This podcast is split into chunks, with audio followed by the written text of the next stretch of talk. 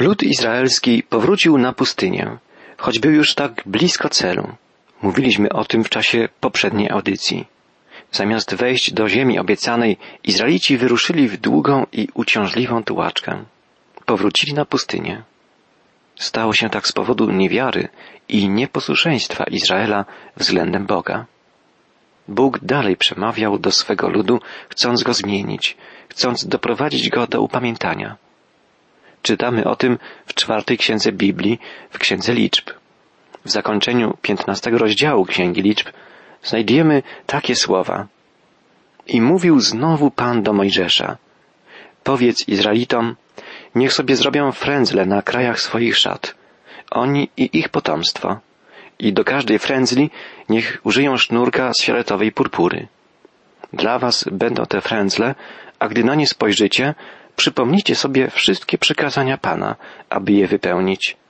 A nie pójdziecie zarządzami swego serca i oczu, przez które plamiliście się niewiernością, abyście w ten sposób o wszystkich moich przykazaniach pamiętali, byście pełnili je i tak byli świętymi wobec swego Boga.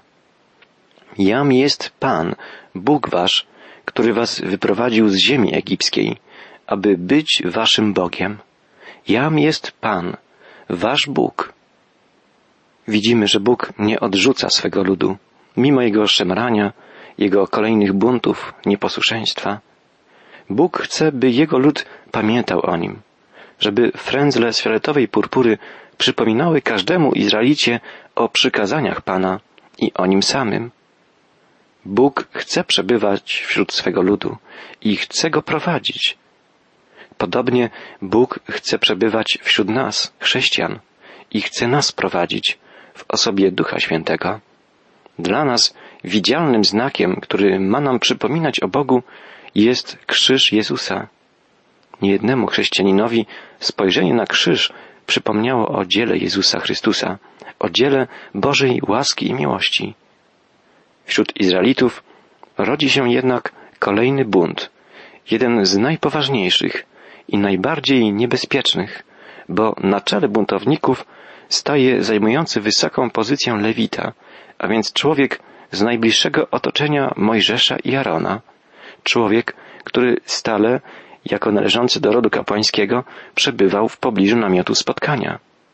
W trzech pierwszych wierszach szesnastego rozdziału Księgi Liczb czytamy Korach, syn Isara, syna Kehata, syna Lewiego oraz Datan i Abiram, synowie Eliabeja i on, syn Peleta, syna Rubena, powstali przeciw Mojżeszowi, a wraz z nimi dwustu pięćdziesięciu mężów spośród Izraelitów, książąt społeczności, przedstawicieli ludu, ludzi szanowanych. Połączyli się razem przeciw Mojżeszowi i Aaronowi i rzekli do nich, dość tego, gdyż cała społeczność, wszyscy są świętymi i pośród nich jest Pan. Dlaczego więc wynosicie się ponad zgromadzenie Pana? Korach był lewitą o znaczących wpływach. Zgromadził wokół siebie dwustu pięćdziesięciu książąt Izraela, ludzi szanowanych, należących do Rady Przedstawicieli Ludu. Korach i jego poplecznicy zbuntowali się przeciwko Mojżeszowi i Aaronowi, czyli przeciwko ustanowionym przez Boga przywódcom narodu. Widzimy, że bunt przeciwko przywódcom to nie wynalazek naszych czasów. Metody działania Koracha, Datana i Abirama są nam dziwnie znajome. Uzyskują oni poparcie sporej grupy wpływowych osób i apelują do ludu. Słuchajcie, wasi przywódcy, Mojżesz i Aaron, zagarnęli dla siebie zbyt wiele przywilejów. Wy jesteście przecież tak samo godni zaszczytów jak oni. Jesteście pozbawiani tego, co się wam należy. Czy to, co mówią buntownicy, jest prawdą? Nie. Ich słowa są zupełnie fałszywe. Mojżesz niczego sobie nie przywłaszczył. Jak pamiętamy, na początku, gdy Bóg powoływał Mojżesza do służby, Mojżesz odmówił. Nie czuł się godny, nie czuł się dość utalentowany, uzdolniony, żeby przewodzić swemu narodowi. Nawet po czterdziestu latach odosobnienia, przebywania na pustyni i wyciszenia, Mojżesz na ponowne wezwanie Boga odpowiedział, że dalej nie czuje się na siłach, by samodzielnie przewodzić swemu narodowi. I Bóg dał mu pomocnika, Arona. Mojżesz był człowiekiem bardzo skromnym, bardzo pokornym. Biblia mówi, że był najskromniejszym człowiekiem na ziemi. Zastanówmy się więc, co było prawdziwym powodem buntu Koracha? Co stanowiło korzeń tego buntu? Zazdrość. Zazdrość Koracha. Był wpływowym lewitą z rodu Kehata. Był stale blisko namiotu spotkania. Zazdrościł Mojżeszowi i Aaronowi ich autorytetu. Zazdrościł im, że to oni codziennie podejmują decyzje i wydają polecenia. Zazdrościł Aaronowi i jego synom, że tylko oni mogą wchodzić do namiotu spotkania i sprawować służbę w miejscu świętym. Jego zazdrość była uczuciem bardzo silnym i bardzo niewłaściwym. Cały autorytet, jaki posiadał Mojżesz, był mu darowany przez Boga. To Bóg wybrał Mojżesza na przywódcę swego ludu. I to Bóg wyznaczył Aarona i jego synów na kapłanów. Bóg wyznaczył każdemu Izraelicie określone miejsce w obozie i specyficzne zadanie do wykonania. Lewici mieli za zadanie pomagać Aaronowi i pozostałym kapłanom w ich służbie. Obowiązki jednej z trzech rodzin lewickich, kehatytów, do których należał Korach, były ściśle przez Boga określone. Ich zadaniem było między innymi przenoszenie przedmiotów sakralnych, znajdujących się w namiocie spotkania, czyli w świątyni izraelskiej w czasie wędrówki przez pustynię. Wystąpienie Koracha przeciw Mojżeszowi i Aaronowi było zarówno odrzuceniem zadań postawionych mu przez Boga jako lewicie z rodu Kehata, jak i targnięciem się na autorytet najwyższych przywódców duchowych narodu. Był to bardzo poważny i bardzo niebezpieczny bunt i musiał zostać surowo ukarany. Jest to bardzo, bardzo ważna lekcja i dla nas dzisiaj.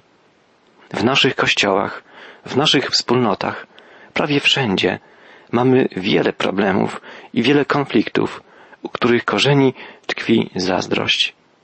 Gdybyśmy wnikliwie zbadali podłoże większości konfliktów, zauważylibyśmy, jak często biorą się one z niezadowolenia określonych chrześcijan z zajmowanego w swojej wspólnocie miejsca z pozycji zajmowanej przez innych, ich zdaniem niewłaściwych ludzi, z wzajemnych swarów, podejrzeń, z obmowy, z plotkowania, z krytykanstwa. A Biblia tak często i tak głośno wzywa nas do chodzenia w pokorze i do uznawania innych za wyższych od siebie. Powinniśmy przyjmować zadania, które stawia nam Bóg z zapałem i z gorliwością, służyć Mu w sposób, do jakiego nas uzdolnił i powołał. Powinniśmy chodzić w pokorze. Powinniśmy szanować i wspierać ludzi, którym Bóg powierzył funkcje przywódcze. W pierwszym liście do Koryntian apostoł Paweł rysuje obraz Kościoła jako organizmu, jako ludzkiego ciała. Tak jak ciało człowieka ma wiele członków, tak wiele członków ma ciało Chrystusowe, Kościół Jezusa Chrystusa. Członki te powinny funkcjonować razem, w harmonii, we wspólnocie, jak w jednym organizmie. Drogi przyjacielu, jeśli uwierzyłeś Jezusowi, jeśli powierzyłeś się Mu jako swemu Zbawicielowi i Panu, zostałeś przez Ducha Świętego włączony do ciała Chrystusa, do Jego Kościoła. Jesteś cząstką żywego organizmu i masz do wypełnienia określone zadania, do których powołuje cię i wyposaża sam żywy Bóg. Każdy wierzący, każdy człowiek należący do Chrystusa powinien być aktywny, powinien być czynny w Kościele, czyli w ciele Chrystusa. Każdy człowiek należący do Bożej rodziny ma zapewnienie Pana, że posiada co najmniej jeden dar potrzebny do wykonywania określonego rodzaju służby. Dary Ducha Bożego Ducha Świętego są wielorakie. Nikt z chrześcijan nie posiada wszystkich darów Ducha Świętego, ale Kościół, ciało Chrystusowe, jest wyposażone we wszystko, co potrzebne jest do życia i służby. Ciało Chrystusowe nie jest w całości ręką, jak chcieliby niektórzy, którzy kładą nacisk na działalność charytatywną Kościoła. Nie jest tylko językiem, jak wydają się wyznawać ci, którzy kładą największy nacisk na dar mówienia różnymi językami. Nie jest tylko mózgiem, jak uważają nieraz myśliciele, filozofowie, profesorowie teologii. Potrzebne do prawidłowego funkcjonowania ciała Chrystusowego są wszystkie dary. Muszą się one uzupełniać, muszą współgrać, żeby całe ciało wzrastało i harmonijnie współpracowało. Każdy wierzący człowiek posiada dar Ducha Świętego, dar, który powinien używać w służbie dla Pana, dla dobra całego ciała Chrystusowego. Każdy chrześcijanin jest kimś niepowtarzalnym, kimś szczególnym, wyjątkowym. I niezwykłe i różnorodne są talenty i zdolności, którymi obdarza nas Bóg. Drogi przyjacielu, każdy z nas może wnieść do rzeczywistości kształtowanej przez Boga swój własny, unikalny wkład. Jezus pragnie, byśmy byli Jego współpracownikami, Jego współkapłanami i przyjaciółmi. Tak nazywa nas sam Jezus. Chrystus po to powołał do życia swój Kościół, aby poprzez Kościół realizować Boży plan zbawienia dla całej ludzkości. Miejsca do pracy i zadań do wykonania jest tak wiele, że nie ma jakiegokolwiek sensu jakakolwiek rywalizacja czy zazdrość o osiągnięcia innych. Zazdrość zawsze powoduje problemy, niszczy jedność i współpracę, hamuje rozwój ciała Chrystusowego. Zazdrość sprawia, że chrześcijanie sami sobie stwarzają problemy i zużywają energię na kłótnie, na potyczki i podziały, zamiast oddziaływać na zewnątrz i nieść ludziom dobrą nowinę o Chrystusie, Zbawicielu świata. Zazdrość i bunt skierowany przeciwko własnym duchowym przywódcom jest czymś bardzo poważnym i czymś bardzo szkodliwym. Zobaczmy, jak surowo Bóg ukaże Koracha, Datana i Abirama oraz wszystkich tych, którzy stanęli po ich stronie, wzniecając bunt przeciw Mojżeszowi i Aaronowi. Czytamy od czwartego wiersza szesnastego rozdziału czwartej księgi Mojżeszowej. Gdy to Mojżesz usłyszał, upadł na twarz. Potem rzekł do Koracha i całej jego zgrai. Rano da poznać Pan, kto do niego należy, kto jest święty i może zbliżyć się do niego. Jedynie temu, kogo wybrał, dozwoli zbliżyć się do siebie. Tak uczynicie. Niech Korach i jego stronnicy wezmą kadzielnice swoje. Niech włożą do nich ogień i jutro położą w nie kadzidło przed Panem. Kogo wybierze Pan, ten jest święty. Dosyć wam, synowie Lewiego. Korach zarzucił Mojżeszowi, że przywłaszczył sobie zbyt duży zakres władzy jako duchowy przywódca narodu. Ale Mojżesz odpowiada Korachowi, że w rzeczywistości to on, jako Lewita, chce zagarnąć to, czego Bóg mu nie przeznaczył. I rzekł Mojżesz do Koracha, Słuchajcie, synowie Lewiego. Czyż nie dosyć wam, że Bóg Izraela wyróżnił was spośród społeczności Izraela, byście się mogli zbliżać do Niego, pełniąc służbę w przybytku Pana i stojąc przed społecznością, by za nich pełnić swój urząd? Dozwolił wam razem ze wszystkimi twoimi braćmi, lewitami, zbliżać się do Ciebie, a wy jeszcze się domagacie godności kapłańskiej? Złączyliście się przeciw Panu, ty i cała twoja zgraja. Kimże jest Aaron, że szemrzecie przeciw niemu? Żądania Koracha były wystąpieniem przeciwko porządkowi ustalonemu przez Boga. Korach wystąpił tak naprawdę nie przeciwko Mojżeszowi i Aaronowi jako kapłanowi, ale przeciwko samemu Bogu. Rozkazał więc Mojżesz przywołać Datana i Abirama, synów Eliaba, ale oni rzekli, nie przyjdziemy. Czyż nie dosyć tego, że nas wyprowadził z kraju opływającego w mleko i miód, aby nas wygubić na pustyni, ale jeszcze chciałbyś sobie przywłaszczyć władzę nad nami? Przecież to nie jest kraj opływający w mleko i miód, gdzie nas wprowadziłeś, ani nie dałeś nam jako dziedzictwa pól i winnic. Sądzisz, że możesz tym ludziom odebrać oczy? Nie przyjdziemy. Dwaj pozostali przywódcy buntu, Datan i Abiram, formułują zupełnie fałszywe zarzuty pod adresem Mojżesza. To nie Mojżesz przecież był winny temu, że Izrael nie wszedł do ziemi obiecanej. To oni nie słuchali Mojżesza, ani stojących po jego stronie Kaleba i Jozłego i odmówili wejścia do Kanaanu, nie wierząc w to, że zdołają pokonać ludy tam mieszkające. Dalej czytamy od wiersza piętnastego. Mojżesz rozgniewał się bardzo i rzekł do Pana, nie przyjmuj ich ofiary. Żadnemu z nich nie wziąłem nawet osła i nikogo z nich nie skrzywdziłem. Potem Mojżesz powiedział do Koracha, jutro stań ty ze swoimi stronnikami przed Panem, ty wraz z nimi, a również i Aaron.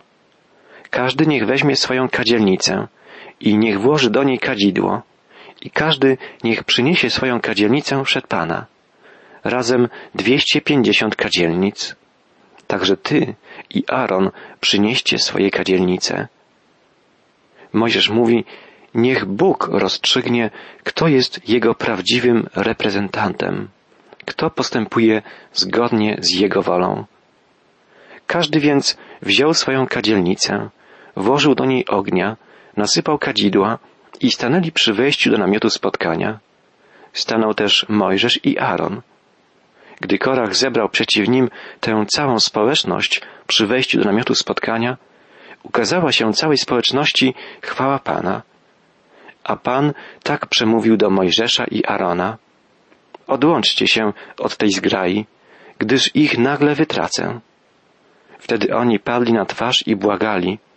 O Boże, Boże, od którego zależy życie wszystkich istot, czy chcesz gniewem swym ogarnąć całą społeczność, gdy tylko jeden zgrzeszył? Bóg objawił swoją chwałę i zapowiedział, że surowo ukaże wszystkich buntowników.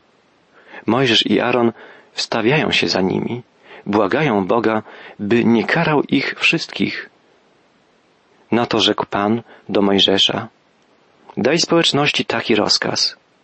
Usuńcie się z obrębu zamieszkania Koracha, Datana i Abirama. Wtedy podniósł się Mojżesz i udał się do Datana i Abirama, a starsi Izraela poszli za nim. Wówczas rozkazał społeczności, oddalcie się od namiotów tych bezbożnych mężów. Nie dotykajcie niczego, co do nich należy, byście nie zginęli przez ich grzechy. Usunęli się więc z miejsca zamieszkania Koracha, Datana i Abirama. Datan zaś i Abiram wyszli i stanęli przed wejściem do swoich namiotów, razem z żonami, synami i małymi dziećmi. Teraz rzekł Mojżesz, po tym poznacie, że Pan mnie posłał, abym te wszystkie czyny wykonał i że to nie ode mnie wyszło. Jeśli ci ludzie umrą śmiercią naturalną i jeśli spotka ich los taki jak innych ludzi, wtedy Pan mnie nie posłał. Gdy jednak Pan uczyni rzecz niesłychaną, gdy otworzy ziemia swoją paszczę i pochłonie ich razem ze wszystkim, co do nich należy, tak że żywcem wpadną do Szeolu, wówczas poznacie, że ludzie ci bluźnili przeciw Panu. Gdy kończył mówić te słowa, rozstąpiła się ziemia pod nimi. Ziemia otworzyła swoją paszczę i pochłonęła ich razem z ich rodzinami, jak również ludzi, którzy połączyli się z Korachem wraz z całym ich majątkiem. Wpadli razem ze wszystkim, co do nich należało, żywcem do Szeolu, a ziemia zamknęła się nad nimi. Tak zniknęli spośród społeczności. Wstrząsający musiał być widok ludzi znikających w otchłani, która pojawiła się po rozstąpieniu się ziemi pod nogami buntowników. Bóg surowo ukarał wystąpienie przeciwko niemu i przeciwko ustanowionym przez niego duchowym przywódcom. Korach, Datan i Abiram chcieli podzielić lud izraelski, lud Boży, chcieli rozbić jego jedność. Jednak to Bóg oddzielił ich od swego ludu i unicestwił. Nie błądźcie, Bóg się nie da z siebie naśmiewać. Co człowiek sieje, to i rządź będzie. Czytamy w liście do Galacjan. A w końcowych wierszach szesnastego rozdziału czwartej Księgi Mojżeszowej czytamy Wszyscy Izraelici, którzy stali wokoło, uciekli na ich krzyk, mówiąc by też i nas ziemia nie połknęła. Wtedy wypadł ogień od Pana i pochłonął dwustu pięćdziesięciu mężów, którzy ofiarowali kadzidło. Zginęło również tych dwustu pięćdziesięciu przywódców izraelskich, którzy poparli Koracha, spiskując z nim przeciw Mojżeszowi. Pomyślmy, jak bolesny był to cios dla całego ludu Bożego.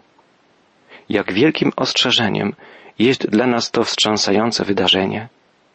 Pamiętajmy o tym, że posiadamy różnorodne dary od Pana, dary, którymi powinniśmy służyć dla dobra całego Bożego ludu, zgodnie z Bożym powołaniem i porządkiem. Nie zazdroźmy sobie nawzajem, nie kłóćmy się. Bóg pragnie, byśmy w harmonii i w jedności wszyscy włączali się do pracy i służby dla Niego. Bóg nie chce, byśmy rywalizowali i licytowali się, czyja służba, czyj dar jest ważniejszy, bardziej godny. Bóg oczekuje od nas pokory, posłuszeństwa i współdziałania. Zajmijmy w ciele Chrystusowym to miejsce, do którego Bóg nas powołał i służmy Mu wiernie, wspierając się wzajemnie i ciesząc się, że Bóg tak różnorodnie nas ukształtował i obdarował.